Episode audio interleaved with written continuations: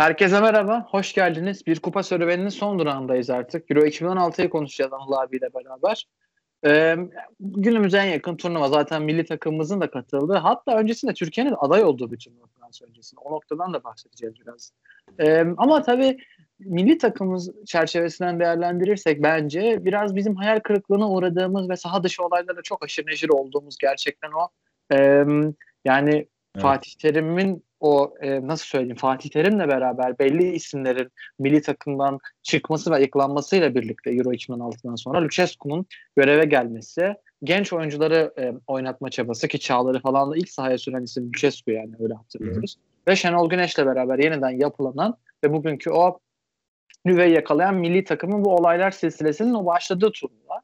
Ee, öte yandan milli takımımız dışından baktığımızda da e, Portekiz'in çok sürpriz bir şampiyonu var. İnanılmaz bir hikaye orada ve yine turnuva içerisinde hani bugünkü yıldızları kadar parlayan bir Fransa olmasa da gerçekten iyi bir Fransa var gösterilen ki ev sahibi avantajıyla çok iyi maçlar çıkarıyor Fransa milli takımı da burada. Yani Dünya Kupası'ndan farklı olarak o hep övülen jenerasyonun e, ukta kalan şampiyonluğu Avrupa Şampiyonası, 2016 Avrupa Şampiyonası. Ne dersin Anıl abi nasıl bir turnuva sence Euro 2016? Ya Euro 2016 tabii ya diğer turnuvalara baktığımızda yani son turnuva ama e, konuşacağımız şey biraz daha böyle e, düşük kaliteli bir futbol bence. E, belki işte bu Macaristan'ın bulunduğu İzlanda, Macaristan ve Portekiz'in bulunduğu grubun yani epey keyifli geçtiğini e, çok net bir şekilde hatırlıyorum ben. Oralara gelince konuşacağız. Yine Portekiz'in artık aradı aradı ve en sonunda da yakaladığı bir şampiyonluk oluyor. Cristiano Ronaldo'nun da tabii yani çok fazla oynayamadığı final maçında e, böyle bir apolet artık gerekiyordu bence. E, tabii bizim sen de bahsettin birazcık programın başından. Türkiye açısından da baktığımızda yani biraz elemelerden alırsak çok çok kuvvetli bir grupla e, karşı karşıya geldik aslında elemelerde. E, kura çekimi sonrası Çek Cumhuriyeti, İzlanda ve Hollanda ile aynı gruptaydık. Yani çok sert bir gruptu hakikaten. Diğer iki takım da Kazakistan ve Letonya'ydı ki Letonya zaten uzun süredir o bizim e, oynadığımız eleme zamanı yani hani en iyi ikincilerin oynadığı eleme zaman konuşmuştuk biliyorsun 2000'lerin başında. O turnuvadan beri yani o e, jenerasyonu tamamen kaybetmiş ve çok zayıflamış bir Letonya vardı. Ama Hollanda'da 2012'de zaten büyük bir hayal kırıklığı yaratmıştı. Hatırlarsın son programda konuşmuştuk. Evet. Ve o, Hollanda'nın o hayal kırıklığı bu turnuvada devam ediyor ki Hollanda genelde elemeleri çok iyi geçen bir takımdır. Ee, ve burada sadece 13 puan alıp dördüncü oluyor Hollanda grupta. Yani ben, ben açıkçası o dönemi hatırlar, hatırlıyorum. Yani çok da iyi bir Türkiye takımı açıkçası yoktu. Ee, ve şey çok umudum yoktu açıkçası. Hani ilk üçte e, iddialı olmasına rağmen yani ilk üçün hani e, yani en iyi üçüncüler arasında girerseniz zaten direkt gidiyordunuz. Ama en iyi üçüncüler arasına giremezseniz de bir baraj maçı oynadığınız bir e, turnuva yapısı. Evet. Eskine göre biraz daha fırsatların olduğu bir turnuva e, yapısı. Biliyorsun orada ikinciler oynuyordu baraj maçlarını. Burada artık üçüncüler de oynuyor. Şeyden bahsedelim bence bu noktada. Turnuvanın takım sayısı artıyor. Burada formatın evet. değiştiğini de söyledim. Ondan dolayı zaten. E, Euro 2016 ile beraber ki 2020 de bu şekilde düzenlenecek. Grup sayısı e, 6'ya takım sayısı da 24'e çıkarılıyor. çıkıyor. Ve e, son 16 turu da ekleniyor. Yani direkt bir çeyrek finale atlama gibi bir durum da söz konusu. Doğru. Bir tur daha fazla oynanıyor. Yani şampiyonluk yolunda takımlar e, 7 maç oynuyorlar Dünya Kupası formatı gibi. Bu da hem eleme gruplarında üçüncülere hem de turnuvada gruplarda üçüncülere çok ciddi şans yaratıyor. Çünkü grup aşamasında 8 takım eleniyor.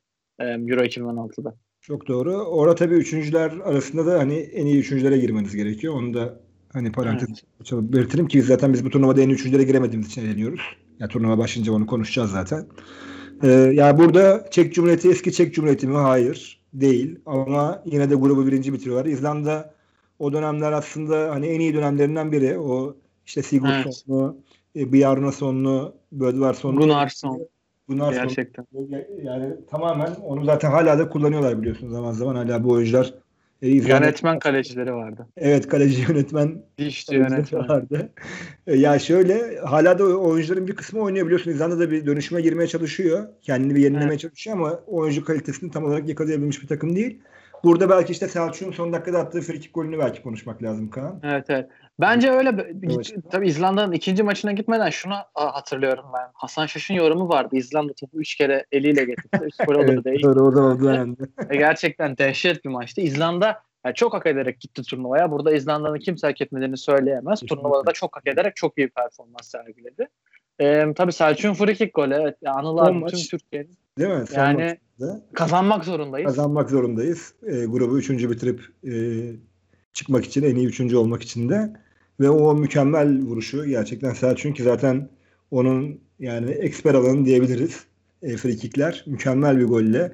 Ya birçok kişi de orada büyük bir umut taşıyordu biliyor musun? Yani hani son dakika free kick gibi bir şey artık o temdit free kick diyelim. Ee, ama hani Selçuk atar ya bunu diye de böyle düşündürtüyordu gerçekten. Çünkü öyle golleri çok vardı Selçuk'un. Mükemmel bir golle e, milli takımı Euro 2016'ya götürmüştü. Ki şundan da bahsetmek lazım. Hollanda milli takımı yani 3-2 yeniliyor e, içeride Amsterdam da aradıkları Çek Cumhuriyeti'ne. Hani biz eğer maçtan puan alamasak, kaybetsek, Hollanda kazansa biz zaten dördüncü taraf, dördüncü oluruz. Yani aynı saatte başlayan maçlar grubun son maçı olduğu için. O yüzden her şey kartlar bizim istediğimiz gibi gidiyor ve gruba damgasını vuran bir Sigurdsson var. Zaten e, bu turnuva ve akabinde gösterdiği performansla Everton'a transferini Evet, yapıyor. Everton'a gidiyordu. Evet. Evet, çok çok kaliteli oyuncu hakikaten. Yani Everton da tabii çok ne kadar beklentileri e, Evet. karşıladığı tartışılır ama e, tabii takımla da alakası var onun. Diyelim ve turnuvaya de yaşı da ilerliyor yani artık Sigurdsson'un Evet. son senelerde biraz düşüşe geçti açıkçası. Evet. Tabii turnuvaya geçmeden önce şu ev sahibi sürecinden bahsedelim. Türkiye'nin çok ciddi bir adaylık süreci yürüttüğü bir e, süreç var aslında turnuvaya gitmeden. E, ve Türkiye çok küçük bir oy farkıyla kaybediyor. Yanlış hatırlamıyorsam bir ya da iki e, oy farkıyla kaybediyor. Bir, Bakın, bir oy evet. farkıyla. Bir Yedi oy farkı. İkinci yedi turda altı. ikinci turda bir oy farkıyla kay bir oy Evet. farklı kaybediyor. Galatasaray'a karşı. Biz de çok heyecanlanmıştık. Hani hem o süreçte e, 2020 olimpiyatları için bir hazırlığımız vardı. Hem de Euro 2016 için bir hazırlığımız vardı. Olmadı. Diyelim darısı artık e, ilerleyen ilerideki turnuvalara diyelim. E, statlarımız için daha iyi zeminler de diyelim bence bu kadar e, şey yapıyorlar, yatırımlar yapılıyor atıyorum işte stadyumun kompleksine çok ciddi paralar harcanıyor ama şöyle de bir gerçek var. Futbol iyi futbol iyi zeminde oynanır. Yani ne kadar iyi bir yapı kurarsanız kurun zemini ayarlayamazsınız. Futbolun kalitesi gerçekten çok etkileniyor yani. Kesinlikle. öz, eleştiri, öz eleştiri yapmak lazım. evet, bahsetmek lazım. Doğru diyorsun. Evet. O zaman turnuvaya geçelim. Hemen bence milli takımımızdan yakalamışken milli takımımızın grubuna gidelim. İlk maç Hırvatistan'la. Turnuvanın ilk maçı. 12 e, Haziran'da oynuyoruz. E, ve ben biraz kendimden hikayeden anlatarak gideyim. Ben tam bu maç günü Almanya'ya gidiyordum. Orada bir e, lisede derslere girecektim bir ay süreliğine ve maça yetişmem böyle ucu ucunaydı. Yani kendimi nasıl televizyon karşısına attım hatırlamıyorum ben de. Bir anda böyle tam maçta erken bir saatteydi. Ve e, aslında çok ezildiğimiz bir maç değildi bence Hırvatistan'a karşı. Ya değildi ama yani hani Hırvatistan'da daha hakimdi maça Kaan. Yani Evet. açıkçası hani golü bulabilecek takım kim derseniz böyle Hırvatistan gibi görünüyordu ki zaten turnuvanın en güzel gollerinden bir tanesini attı Modric. Ya o kadar yükselen topa inmeden yere müthiş bir vuruş yani. Gerçekten harika. yani harika bir gol, at- gol attı. Ee, yani hani şapka çıkarmak lazım. Sonra hatırlarsın Ozan'ın ya golden önce ya golden sonra çok yakın mesafeden bir kafa vuruşu vardı. Çok net bir Evet top. evet evet. Yani onu belki gol yapabilsek işte belki de turnuva adına da yani bizim için işin rengi çok farklı olabilirdi. Ama maalesef kaybedilmiş bir maç. Evet, turnuva adına, turnuvada milli takımımız adına bahsetmemiz gereken bir konu bence stoper ikilisi. Çünkü çok eleştirilmişti. Birincisi Mehmet Topal'ın stoper oynaması. yani. o evet. Dönem çok ciddi bir stoper sorunumuz vardı ve Hakan Balta da onun yanında partnerdi ki Hakan Balta'nın o dönem böyle çok forma şansı bulduğu yıllar Evet. değil. Şimdi Evet. Mehmet Topal da hazırlık maçlarında hatalar yapıyordu. Arkaya adam kaçırma olsun gibi. Hani çok iyi bir çapa. Yani 6 numara pozisyonu Mehmet Topal gerçekten em, yerli oyuncu potansiyelini göstermiş, kendini kanıtlamış bir o futbolcu ama stoperde o performansı gösteremiyordu ve biz bu savunmadan savunmayla ne yapabiliriz e, soru işaretleri vardı milli takımımız için. Ya Öte var- yandan Evet. evet savunmadan devam edelim bence. Ya şöyle zaten hakikaten elimizde çok fazla da böyle e, ya güvenebileceğimiz diyeyim savunma oyuncusu pek de yoktu hakikaten aslında. Hani ya, yani Ahmet Çalık vardı biliyorsun kadroda. Semih vardı. E, Evet. Dediğin gibi hani tecrübesiyle Hakan Balta'ya güvenildi. Ama Mehmet Topal ya benim futbol görüşüme göre defansta oynayacak son oyunculardan biri. Yani çünkü gerçekten o bölgeye hiç oynayamayan bir oyuncu. Aşırı derecede sakarlık yapıyor. O yani o, o merkezde ne kadar iyi pozisyon bilgisi varsa ki ona güvenilerek bence stoperde oynatılıyor. Ama maalesef o oyuncu yani hani şey pozisyon değiştirince oraya adapte olamıyor. Çünkü defans oynamak yani aşırı derecede büyük bir teknik gerektiriyor Kaan. Çünkü sadece rakibi karşılamak değil veya topu kullanmak değil. Aynı zamanda yani takımdaki yani yanındaki arkadaşınla beraber aynı çizgide kalmak Yani hani Evet. beraber birlikte hareket etmek savunma duruşunda ki bunları zaten senin de söylediğin gibi güzel bir konu açtım bence. O Mehmet Topal'ın defansta oynaması, stoperde oynaması konusuyla ilgili. İspanya maçında zaten inanılmaz şeyler gördüm. Ya, yani bizi hallaç pamuğu. İkinci yarı zaten İspanya bastırmadı yani. Bitti İnanılmaz. maç. Kesinlikle Yani bitti. bitti. Çok daha farklı ve kötü bir sonuç olabilirdi. Ya biliyorsun o maçta Arda'ya da tribünden de bayağı bir tepki geldi. Evet. Evet. Ki zaten o artık yavaş yavaş hani milli takımda oyuncular, tribün, yönetim, e, şey, e, teknik ekip hepsinin koptuğu maçlardan biri. Ya tamam. Evet, kesinlikle. Ee, bir de. Emre Mor'dan bahsetmek lazım bence milli takımımız adına bu turnuvada. Çünkü e, hazırlık maçlarını denemişti Fatih Terim ilk olarak. Böyle bir zıpır, işte dribbling yapıyor. Topu güzel soluna çekiyor. Acaba Messi olur mu olmaz mı? Norveç'ten gelmişti zaten. Ama daha doğru dürüst bir şey bile yoktu. Türkçe Evet. iletişimi bile geçemiyordu basınla ki hani milli takım kampını düşündüğünüzde o atmosferi düşündüğünüzde ne kadar adapte olacak, ne kadar e, oyuna girecek diye bir e, bak- bakıyordunuz ki o yeteneğiyle Borussia Dortmund'a bile transfer oldu ama işte, yete işte yetenek bir yerde yeterli değil. Yani o topu alıp sola çekmek, sağa çekmek bilmiyorum. Yani ben ne kadar oyuncu topla hoş görünürse görünsün sahada bazı şeyleri diğer arkadaşlarıyla pozisyon alma, topsuz koşular, e, topsuz oyun, bekini kovalaması bir kanat oyuncusunun yani burada çok fazla değişken sayabiliriz ve e, Borussia Dortmund'da keza ilerleyen yıllarda diğer takımlarda bu o- olayları saha dışındaki disiplinsizlikleri dışında fark etmeseydi onunla devam ederlerdi. O da iyi bir futbolcu olurdu yeteneğiyle. Ya mutlaka yani yetenek olarak zaten hani Emre Mor yani çok yetenekli bir oyuncu ama futbol zekası olarak hakikaten yani çok sıkıntılı bir oyuncu. Yani tamam tamamen takımdan kopuk bir oyun. Hani o Evet. disiplinsizliklerini falan geçiyorum. Sağ dışındaki kendine bakmayan bir oyuncu. Ee, hiçbir şekilde e, yani futbolu yani bir iş olarak açıkçası ben gördüğünü pek zannetmiyorum. Yani öyle görünmüyor çünkü pek. Ona onları dışarıda bırakıyorum. Sağdaki Emre Mor'a bakıyorum. Yani 10 kişi başka bir şey oynarken o bambaşka bir şey oynuyor. Yani tamamen oyunun e, temel bir gereksinimlerinden tamamıyla uzak bir oyuncu. E, ama tabii burada niye kadroya alındı? Biliyorsun o dönemlerde Türkiye'de de yani kadroya bakınca da hakikaten böyle topla yaratan oyuncu çok fazla yoktu. Arda bir tek güvenilen ayaktı. Ki Arda'nın da o dönem biraz hani sorunlu dönemleriydi diyebiliriz. Evet, tam Barcelona'ya transfer yaptığı dönemde. Evet, işte. Barcelona transfer yaptığı dönemde ama bir yani bir gereksiz bir gergin bir dönem vardı yani o dönem. Evet, evet, evet. Yani çok anlamsız bir şekilde. O iyice yansıdı, büyüdü. Tabii bilmediğimiz başka şeyler de vardır milli takım kampında. Çok ayrı ayrı fotoğraflar verildi biliyorsun. Ee, Evet. Yani çok kopuk bir takımdı. Hatta Fatih Terim'le de arasında problem olduğu söylendi. Tabii net bir şekilde bunu bilmemiz zor ama yani orada da hani yaratıcı başka bir oyuncu gereksinimi e, duydu bence takım ve Emre Mor'u da e, kadroya katlar bu şekilde. Herhalde bir daha da yani herhalde kolay kolay görmeyiz Emre Mor'u milli takım formasıyla. Evet. Ama her şeye rağmen Çek gruplarda kaybettiğimiz Çek Cumhuriyeti'ni e, 2-0'lık bir skorla yeniyoruz grubun 3. maçında. Burak Yılmaz ve Ozan Tufan'ın golleriyle.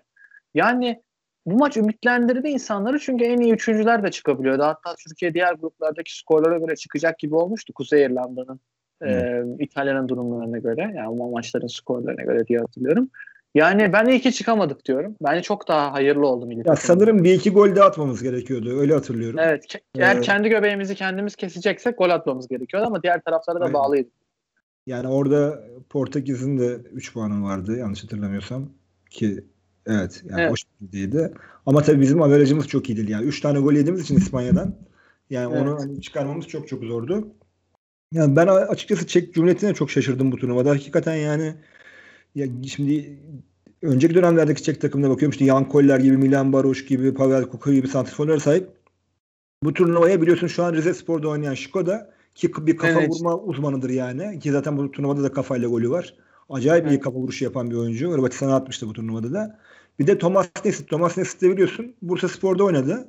Ve hakikaten hayal kırıklığı. Gerçi çok büyük yetenek olarak her zaman yani U20'lerde de çok önemli bir Evet. yetenek olarak çıkmış bir oyuncudur Thomas Nesit ama hani o şeye seviyeye bir türlü ulaşamamış bir oyuncu. Yani Çek Cumhuriyeti oyuncu kalitesi olarak düşük olmasa rağmen hemen eleme, elemelerde e, çok iyi bir oyun oynadı. Hem de burada benim beklediğimden açıkçası İspanya karşı falan da iyi direndi. Son dakikalarda yedi golü biliyorsun.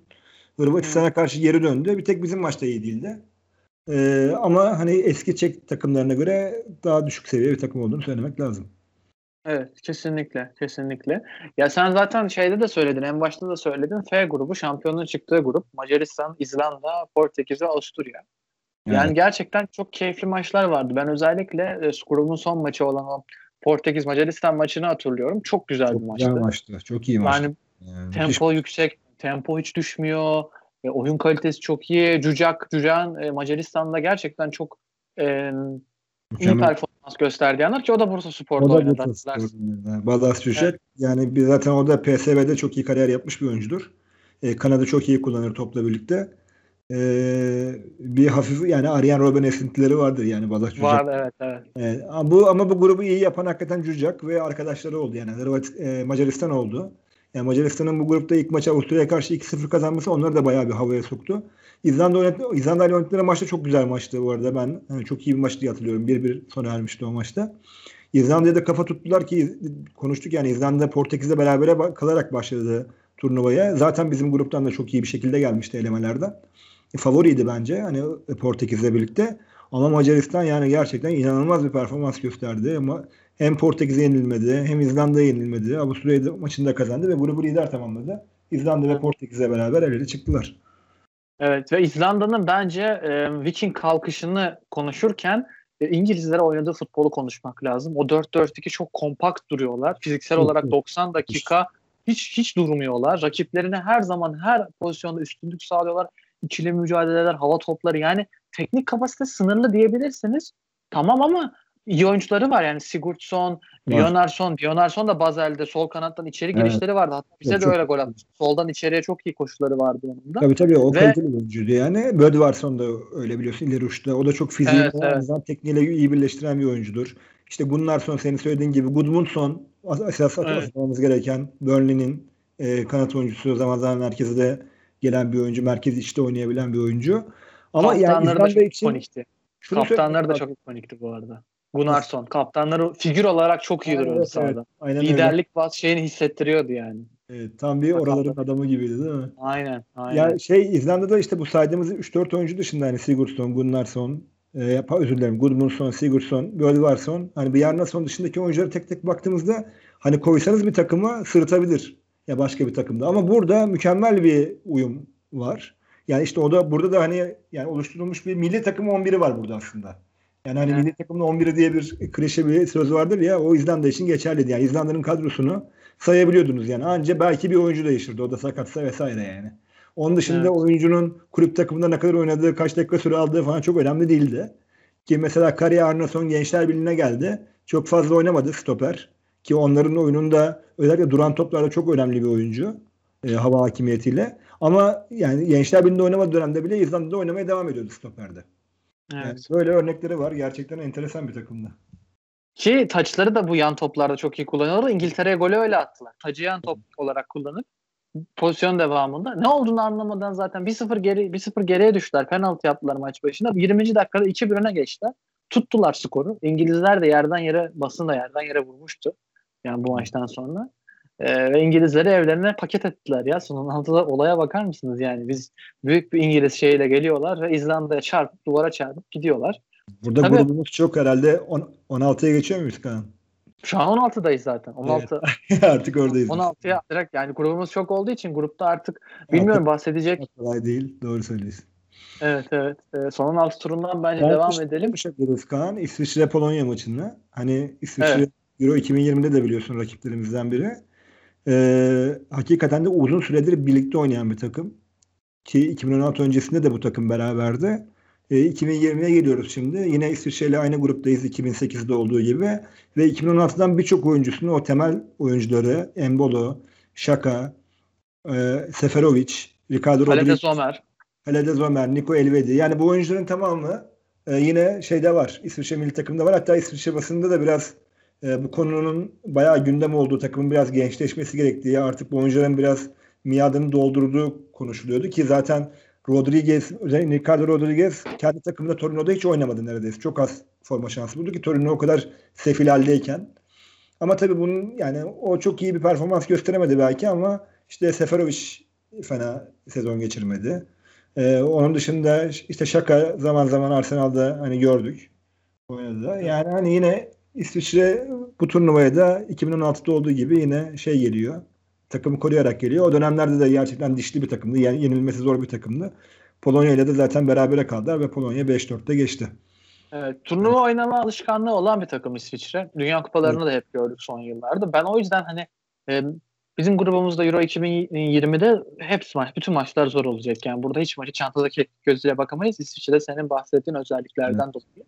Ben de diğer tarafa bakayım. Polonya'ya bakayım. Çünkü Ukrayna Polonya'daki 2012'deki turnuvada Polonya'yı biraz e, iyi takım oturmamış bir takımdan falan dedik daha böyle bir e, bir kadro olgunluğundan bahsedemiyorduk ama burada tam aksi gerçekten bu turnuvada ben e, beğendiğim bir izlerken gerçekten e, düzenli düzgün bir takım olarak görünen bir Polonya vardı ki kadroya bakıyorsunuz Fabianski iyi bir turnuva geçirmişti. Kamil Gilik bir sonraki çok sene bu arada yani çok iyi.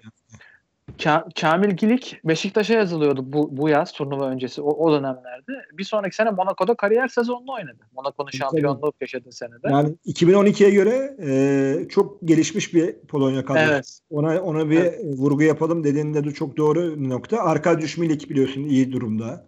Milik Lewandowski 4-4-2'de. Solda Grosicki. Sağ kanat zaten Dortmund. Vlachikowski Piscek. Yani Dortmund'un oynama alışkanlığı olan oyuncuları. Ortada Kirşovyak da çok iyi bir oyuncu 10 numarada. Tabii. Yani omurgası çok oturmuş. Kenardan da yetenekli oyunculara sahip kaliteli bir takım ki evet. çeyrek finalde ben Portekiz'e eleceklerini düşündüm yani.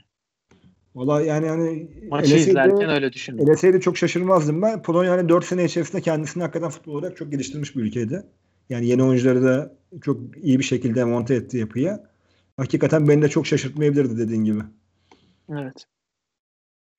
Burada bence turnuvaya damga vuran çeyrek finale gidelim. E, tabii ben önce önceki maçlardan bahsedelim. E, Galler Kuzey İrlanda oynuyor. oynuyor. Bir büyük Birleşik Krallık e, derbisi diyelim tırnak için. Ada derbisi. E, Galler, Galler bu turnuvada gerçekten iyi bir takım olarak gidiyor ki hani evet. E, evet. bu turnuvada tabii Portekiz'in hikayesi çok konuşulur ama Galler'in hikayesi de kesinlikle konuşulması gerekiyor. Çünkü iyi futbol oynadılar. Turnuvada sonuç almaya dönük ellerindeki yetenekleri çok iyi kullanacak bir futbol oynadılar ki e, Gareth Bale ve e, belki de sakatlanmasa bence çok çok çok daha etkili olabilecek kulüp kulüpler bazında da bir Aaron Ramsey oyunu çift yönde oynayabilen, oyuna akıcılık katan, bağlantı oyunu çok iyi oynayan bir oyuncu ve hani Gareth Bale çünkü Gareth Bale'in de e, milli takıma nasıl bir zihniyetle baktığını biliyoruz. Nasıl oynuyor? Çok çok farklı e, bir şekilde bakıyor oyuna şey e, Gareth Bale yani Galler adına. Yani hep zaten mesela bu sene de yani çok forma şansı bulamıyor ama sonlarda yine iyi bir form yakaladı. Bence buraya fena gelmedi. Onu söylemek lazım. Zaten milli takım olunca daha bir motive bir e, Gareth Bale görüyoruz. Bu 2016'da o attığı frikik golleri e, takımı ayakta grupta, evet. e, sonrasında da dediğin gibi işte e, Galler'in zaten yarı finali geldi. Üstelik Belçika çeyrek finalde eleyerek. Evet. Ben de tam o noktaya çekecektim. Ee, Belçika'da Macaristan, o bahsettiğimiz övdüğümüz Macaristan 4-0'la geçiyor. Onlar da bu jenerasyon acaba patlama yapacak mı dedikleri bir turnuva. İşte merkezleri sağlam ve Rajin Aygola'nın harika bir golü var zaten evet. e, e, bu turnuvada. Ve Belçika e, Galler maçı. Gerçekten Galler'in turnuvaya imza attığı maç. Yani Rajan Aygolan bu maçta atıyor harika. Bu maçta evet, evet uzaktan acayip uzaktan. bir gol var e, Nainggolan'ın. E, kalecinin sağına doğru uzaktan çok sert bir vuruş. Bana biraz şey hatırlattı tam o free kick'ti aslında ama Frank De Boer'un attığı e, golü hatırlattı. Evet, yani, evet. Konuşmuştuk hatırlarsın. Free kick'ten Fransa'ya atmıştı. Ona benzer bir gol. Ama devamında duran toptan bir beraberlik golü geliyor e, Galler'in. Ashley Williams kaptanlığı. Ashley Williams. Svensson'de oynuyordu o dönem. Aynen o dönemler zaten Ashley Svensson'ın de kaptanıydı. Ama evet. ya, ikinci gol inanılmaz bir gol yani mükemmel Robson Kaan'ın golü gerçekten. Yani şey, bir anda insan şaşırıyor o dönüşü görünce. Nasıl nasıl diyor. Tam boş bıraktıkları yere topuna basarak dönmesi gerçekten Aynen. çok Ama yani hem ikinci gol çok güzel hem üçüncü gol çok güzel. Evet.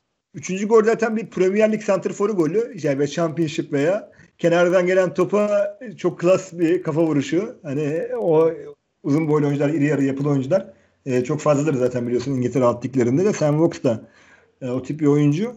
E, ve o golü atıyor ama Robson Kalın'ın tabii şey e, bu Cruyff dönüşü acayip ceza sahasının içerisinde gerçekten mükemmel. Kesinlikle yani turnuvaya turnuvada herkesin aklına kalan hareketlerden biri ve Galler Belçika'yı çok pragmatist bir oyunla diyebiliriz bence. Çünkü çok ciddi alanlar buldular yani. Kontralarla çok canlarını yaktılar. Goller de öyle geldi zaten. Yani bomboş alanlar üzerinden e, attılar golü ve çok iyi bir Hani baktığınızda kadroya Lukaku'su var, Hazard'ı var, De Bruyne, Carrasco, Witsel, Nainggolan, Mounier, Alderweireld, Dinayer, e, Fertongen yani herkes var. Gerçi Fertongen maçta yokmuş ama yani o, o takımın omurgasında var ama Takımın omurgasında var. Ee, Belçika burada Aha. Belçika burada sonuç alamıyor. Çeyrek finalde eleniyor. Evet bakalım bu Belçika'nın jenerasyonu artık yavaş yavaş sona doğru da gelmeye başlıyoruz. Bakalım bir bu turnuvada bir şey yapabilecek mi? Ben çok merak ediyorum. Kesinlikle. Ee, bu sefer hani çok acayip favori olarak gösterilmiyorlar. Ee, zaten bazı oyuncuları çok formda da gelmedi ileri uçtaki.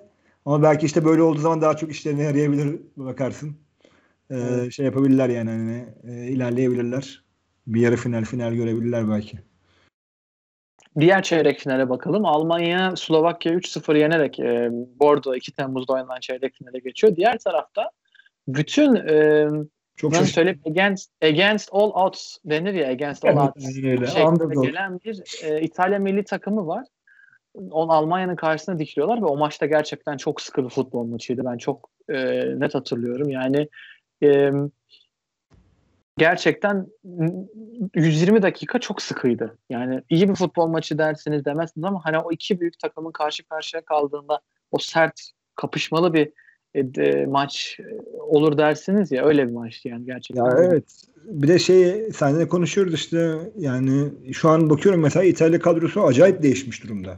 Yani İtalya tamamen bir dönüşüme girmiş durumda. 2020 ile 2016'yı karşılaştırdığımızda işte o dönem oynayan oyuncular işte Eder, e, Graziano Pele. Pele, Emanuele Giacchiarini yani bu tip oyuncular yani şu anda esamesi bile okunmayan oyuncular e, İtalya futbolunda. Kesinlikle.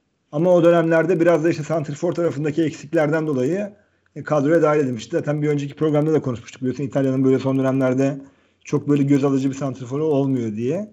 Ee, burada ona rağmen o defansı iyi tutarak yine o Chiellini, e, Bonucci üzerinden Barzagli, Bonucci. Barzagli. Juventus'u arkaya alıp kopyala yapıştır yapmış. Bu Aynen. Barzagli zaten sonra bıraktı biliyorsun ama o Juventus'ta o dönem senin de dediğin gibi üçlü beraber de oynadılar. Bazen üçlü de oynuyorlardı birlikte. Ee, Barzagli, Chiellini ve e, Bonucci. Bonucci ve burada da onların da biraz alameti farikasıyla e, biraz da penaltılardaki kısmetle diyelim. E, Evet. ilerlediler onlar da epey. Ya ben bu maçta özellikle bahsetmek istiyorum. Bir Zaza'nın penaltısını herkes hatırlar. Dibine topun girip tavana vurduğu penaltı. Ben bu turnuvada İtalya'nın oyununu çok beğenmiştim. Yani bu kadrodaki e, darlığa rağmen oynadıkları oyun Evet, beni çok onu etkiledi. beklediğinden çok daha iyiydi. İşte şimdi burada Almanya'da yine bu, bu maçın oynadığı zaman da Almanya'dayım. Okuldayız işte. Hep her gün maçlar konuşuluyor. Bu maç ne olur, bu maç ne olur falan diye. İtalya maçı oldu. İşte babamın dayısının evinde kalıyorum. O dedi Almanya kazanacak Kaan dedi. Yok dedim dayı dedim İtalya çok iyi falan. Ben de İtalya'yı tutuyorum o maçta. Çünkü Almanya iyi bir kadro. Daha oturmuş bir kadro. Ee, dünya şampiyonu bir kere. Öyle düşünmek lazım. Evet. A- Almanya maçı kazandı ki penaltılar çok uzadı. Takımlar 9'ar tane penaltı attılar. Yani şehir 80 bin kişilik bir şehirdeydim. Flensburg'daydım. Herkesin de ana caddesine herkes bayraklarla bağırıyor. Nasıl seviniyorlar? Nasıl nasıl böyle destekliyorlar? Yine ertesi gün okula gittim. Sordular maçı izled, izledim falan diye. Ya evet ben İtalya'yı tutuyordum. Bakalım bu sefer sürpriz olur mu diye demiştim. O sınıf spor dersine giren bir öğretmenimizdi. İlk onunla muhabbet etmiştim okulda. O da demişti ya bak nasıl şey oldun işte nasıl yendik İtalya'yı falan gibi.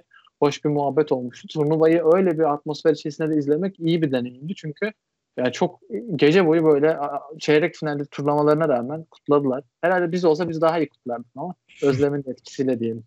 Tabii canım. Ya şampiyon olmasına rağmen. Kutlanır da. Aynen. Evet. Öte yandan son çeyrek final maçında da Fransa İzlanda'ya 5-2 ile artık diyor ki bu kadar sizin hikayeniz yeter diyor. Ama İzlanda ge- gerçi Fransa o maç gerçekten iyi iyi futbol oynamıştı yani. Ya Gerçekten. Fransa zaten şeyden itibaren hani ikinci turdan itibaren hakikaten iyi oynamaya başladı. Evet. Ee, ve hatta kupayı da yani alacak takım olarak hani Fransa gösteriliyordu. Şey maçında yani Almanya maçında da iyi oynadılar. Bir Çok iyilerdi. Evet. Orada da çok iyi oynadılar ve finale zaten favori olarak bayağı da bir ağır favori olarak gelmişlerdi aslında. Ee, Evet. İzlanda'ya 5 tane gol atmak yani bu, o dönemlerde yani herhangi bir ülkenin başarabileceği bir durum değildi. Yani Evet. onu başardılar.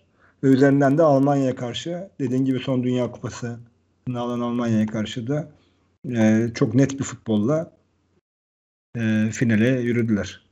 Zaten maç ilk yarıdan 4-0 olmuştu İzlanda maçı. Yani bir de e, Stade de France'da oynuyorlar. Yani tamam kendi muhabbetlerinde oynuyorlar yani.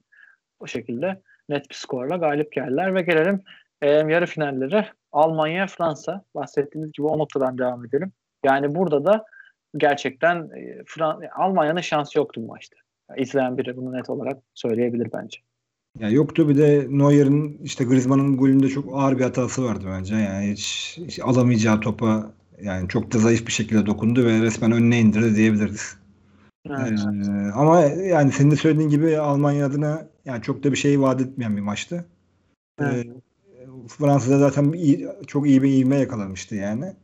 Ve burada finali gördü ama tabii diğer yarı finale bak- baktığımızda hani Portekiz'in Galler'le oynadığı maçta da artık Cristiano Ronaldo damga vurdu diyebiliriz. Yani o arşa Evet. yükselip kafa vuruşlarını gösterdiği maçlardan bir tanesi ilk, ilk golde yani inanılmaz yükselip havada durdu adeta. Ve Evet. dar, darbeli bir vuruşla da topu ağlara yolladı. İkinci golde e, Nani'nin güzel Yine orada da Ronaldo'nun payı var. Ee, Evet. doğru çevirdiği bir top. Nani'nin dokunuşuyla 2-0 Şöyle bitti. Yani Galler adına da e, peri masalı bitti diyebiliriz burada. Ama final işte finale geldiğimizde de senle de daha çok ayrı bir hikaye Çok- var. kötü bir maçtı yani hakikaten. Hani şampiyon tarihinin en kötü finallerinden biriydi yani. Evet. Ya finale gelmeden bence Portekiz'in bu biraz daha pragmatist olarak adlandırabileceğimiz bir oyunundan konuşalım. Çünkü gerçekten Fernando Santos'un e, oyunu çok konuşuldu turnuvadan sonra. Çünkü turnuva için gerçekten iyi bir takım çıkarmıştı. Yani 4-1-2 1-2 gibi bir dizilimleri var ya da 4-4-2 baklava da diye e, nitelendirebiliriz. Elmas da diye nitelendirebiliriz. Bunu Diamond diye geçiyor zaten de baklava demek Türkçe'de bence daha e, iyi. Ya burada evet e, Kalede iyi bir Rui Patricio var. Bruno Alves Fontes sağlam bir ikili. Nani Ronaldo Quaresma'nın zaten e, Hırvatistan Burada maçında son turunda Çok- X faktör olarak devreye Aynen. giriyor. Ama bir Renato Sanchez'den bahsetmeliyiz bence. Çünkü e, turnuva içerisinde hani genç bir oyuncunun takıma katılarak ki burada çok küçüktü yani 19 yaşındaydı. Ee, İlk 11 oyuncusu değildi. Benfica'nın genç yıldızıydı. Bir maçta attı. Aynı nasıl Fatih Terim Emre Mora attıysa Santos attı Sanchez'i ve öyle bir dinamizm kazandırdı ki takıma. Evet. E, grup Zaten maçları Renato Sanchez 11'e girdi direkt yani. biliyorsun Benfica'nın az takımında da oynamıyordu.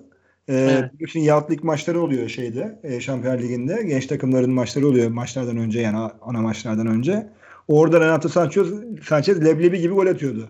Yani herkesi çalımlıyordu. Acayip acayip işler yapıyordu. Ve yani oraya çok çok fazlaydı zaten. Sonrasında hızlı hızlı A takımı oldu ve onun üzerine de milli takım alındı ve orada da e, o etkiyi gösterdi ama tabii ilerleyen yıllarda şu an tabii Lille'de oynuyor. E, fena da oynamıyor.